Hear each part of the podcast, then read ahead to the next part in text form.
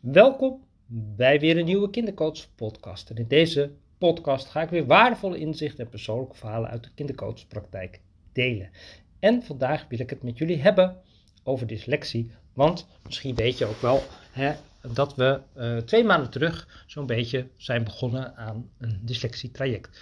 Onze zoon die heeft dyslexie en het is ook wel mooi om zo als ouder eigenlijk ook een beetje te kijken van hoe gaat dat nou eigenlijk? En waar loop je dan eigenlijk allemaal zo tegenaan? En waar liepen we in het begin heel erg tegenaan? In dat traject ervoor, toen we eigenlijk nog niet goed wisten, er was iets wat hem heel erg frustreerde in het leren, maar we wisten niet precies wat. En bij onze zoon was het best lastig, want het zat misschien wel in intelligentie, het zat in gehoor, het zat in taalspraak en uiteindelijk zit dat in dyslexie. En nou, het is zo'n heel uitzoekrijtje geweest om duidelijk te krijgen van wat is het nu eigenlijk allemaal. En uh, dat heeft heel veel onderzoeken ook gevraagd en die zijn we natuurlijk ook gewoon allemaal gaan doen. Dat heeft ons ook heel veel inzicht opge opgeleverd. Dat is ook wel heel belastend geweest. Dus dat is natuurlijk ook de prijs die je betaalt voor onderzoek. Maar tegelijkertijd heeft dat dan ook hulp opgeleverd. Nou, ja, dan lopen we heel erg tegen het samenwerkingsverband aan. Want voor onze zoon was het zo dat hij eigenlijk niet in een uh, ja, potje paste volgens uh, het samenwerkingsverband. En dus het heeft heel lang geduurd voordat er eindelijk echt hulp was. Dus dat heeft als gevolg gehad dat onze zoon gewoon heel erg ja, op eigen kracht het heeft moeten doen. En dat heeft enorm veel frustratie opgeleverd.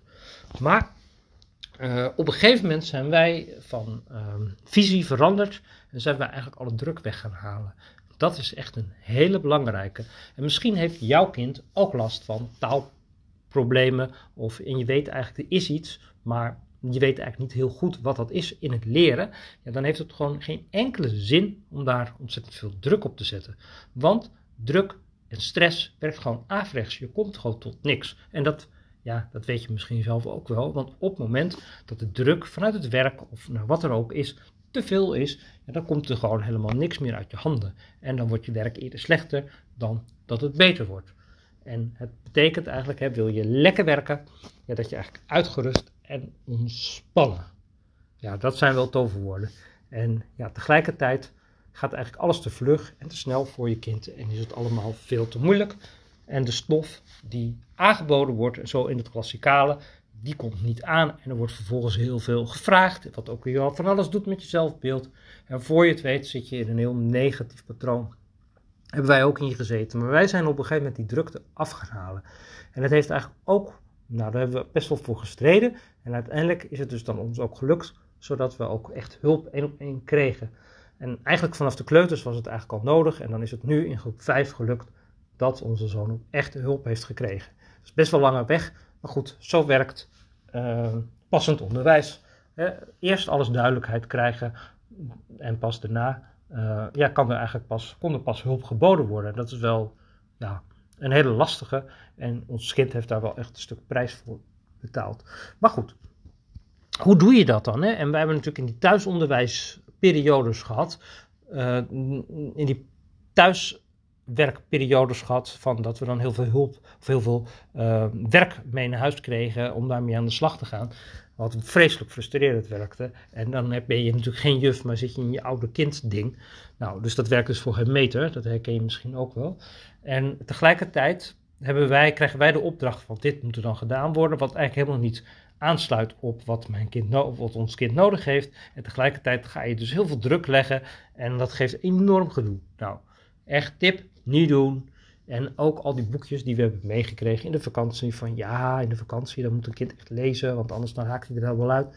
Niet doen, heeft geen nut, want het hoofd zit vol, er gaat niks in en rust is nodig. En pas met rust, ja, dan krijgt alles een plekje. En in de rustperiode zie je zo vaak, zeker bij ons kind ook, dat er dan gewoon weer ruimte komt om daarna weer nieuwe dingen op te pakken. Maar ga je door, dan blijft dat hoofd vol. Gaat gewoon niet werken. Dus, nou, dat is echt een belangrijke. Maak je daar als ouder ook echt hard voor. En ja, iedereen heeft goede, goed bedoelde adviezen, hartstikke goed. Maar druk erop, nee. Wat wel echt een hele leuke is, is uh, wij zijn eigenlijk dat lezen heel erg gaan stimuleren. En onze zoon die ging dus gewoon ontzettend veel uh, Donald Duckjes lezen en zo. En die ging de plaatjes bekijken. En wij hebben eigenlijk dat, dat lezen helemaal zijn gang laten gaan. Hij heeft helemaal zo gekozen. We hebben het heel erg gevoed. Dus we hebben heel veel uh, boeken neergelegd. En dan, ja, soms dan haalden we tien boeken van de biep en die werden dan weer helemaal niet gelezen. En dan kwam, pakte die dan uit ons boek weer een heel groot boek, een volwassen boek. En dan ging hij daarmee. En we hebben dat heel erg gelaten. En hem helemaal zo zijn eigen pad en zijn eigen manier laten zoeken. En dat heeft dan ook weer heel erg veel opgeleverd. Want hij heeft ontzettend veel plezier in lezen. En wat we nu eindelijk zien in groep 5, pakt hij eigenlijk, hij is nu de brief van de koning aan het lezen.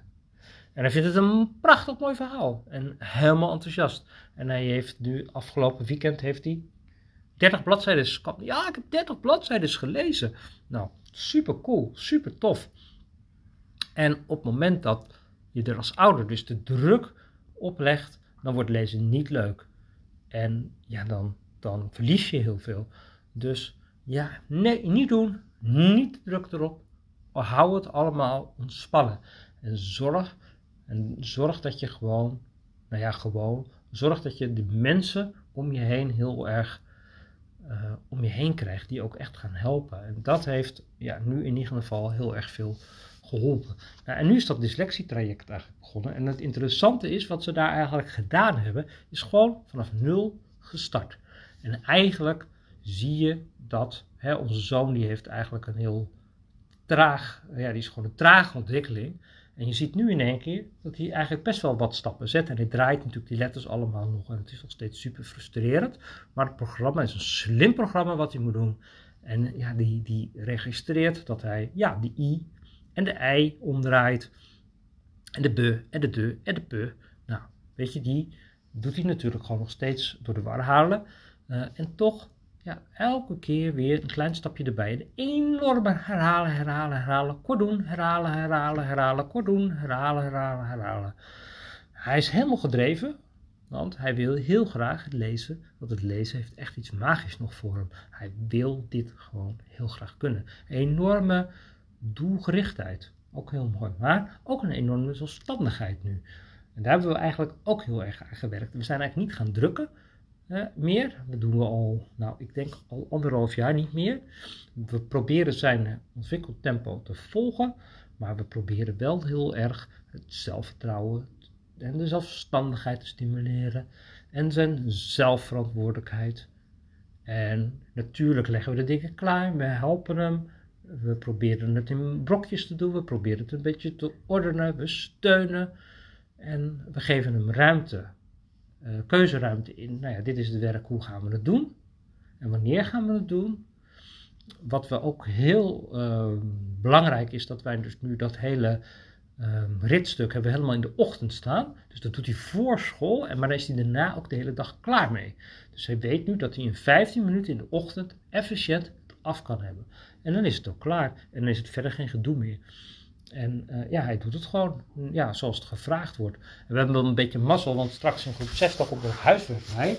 Dus als je te laat bent met dyslexie, ja, dan krijg je en huiswerk en dit stukje erbij. Dus dat is wel echt wel extra zwaar. Maar ja, zo hebben we eigenlijk op dit moment best wel een ontspannen kind. Die best hard moet werken om de dingen voor elkaar te krijgen. Uh, enorme doorzettingsvermogen zien we. We zien hem ook echt mooie stappen maken. En nou ja, goed. Het is in ieder geval, ja, het is hoe het is. En dit is hoe zijn ontwikkeling loopt. En wij zijn in ieder geval blij mee. En ja, wat je natuurlijk wel gewoon heel goed kan doen, is op het moment dat je ziet dat je kind heel erg gefrustreerd is in het schoolse en uh, ook niet zo graag naar school gaat en het moeilijk vindt. En dan ga dan niet in die druk zitten, maar wat natuurlijk wel een hele fijne is, is ga op andere vlakken proberen om ja, sterke kanten te ontwikkelen. Interne hulpbronnen, zoals zelfvertrouwen, zoals zelfbewustzijn, zoals zelfinzicht, zelfverantwoordelijkheid, zelfrespect, nou, zelfwaardering. Nou, nou, ik kan zo nog meer zelfjes opnoemen, maar alles met zelf, het zelf versterken, is dan echt een hele mooie. Dus dat, zou ik een, dat is in ieder geval een hele tip waar je in ieder geval mee verder kan. En ja, weet je, het is ook aan ons als ouders om gewoon dat ontwikkeltempo van ons kind gewoon te begrijpen en daarop aan te sluiten. Zodat wij ook de andere mensen om onze kinderen heen ook goed kunnen instrueren en ze ook kunnen helpen. En hè, de meetlat op school, die werkt niet. Dat is, hij heeft een ander ontwikkelritme. En dat is iets wat wij moeten accepteren, ook op school. Ja, natuurlijk willen ze alles eruit halen wat erin zit. Nou, mooi. Nou, dat lukt dus niet op het moment dat er veel stress, druk, spanning op komt. Want dan blokkeert. Dan blokkeren kinderen, logisch. Net als ik ook blokkeer als ik te veel werkdruk krijg. Dan komt er niks meer uit mijn handen. En dan heb ik alleen nog maar rust nodig. En ik een vol hoofd. En dat is wat we onze kinderen niet gunnen. Nou, zijn we zo aan het einde gekomen van deze podcast. En uh, ja, dan wil ik gewoon alle ouders en die ook uh, kinderen hebben met leerproblemen, leesproblemen, dyslexie of dyscalculie of in ieder geval net een andere ontwikkeling. Blijf in verbinding met je kind. Blijf erachter staan en geef je kind de ruimte om zijn eigen ontwikkelritme te volgen.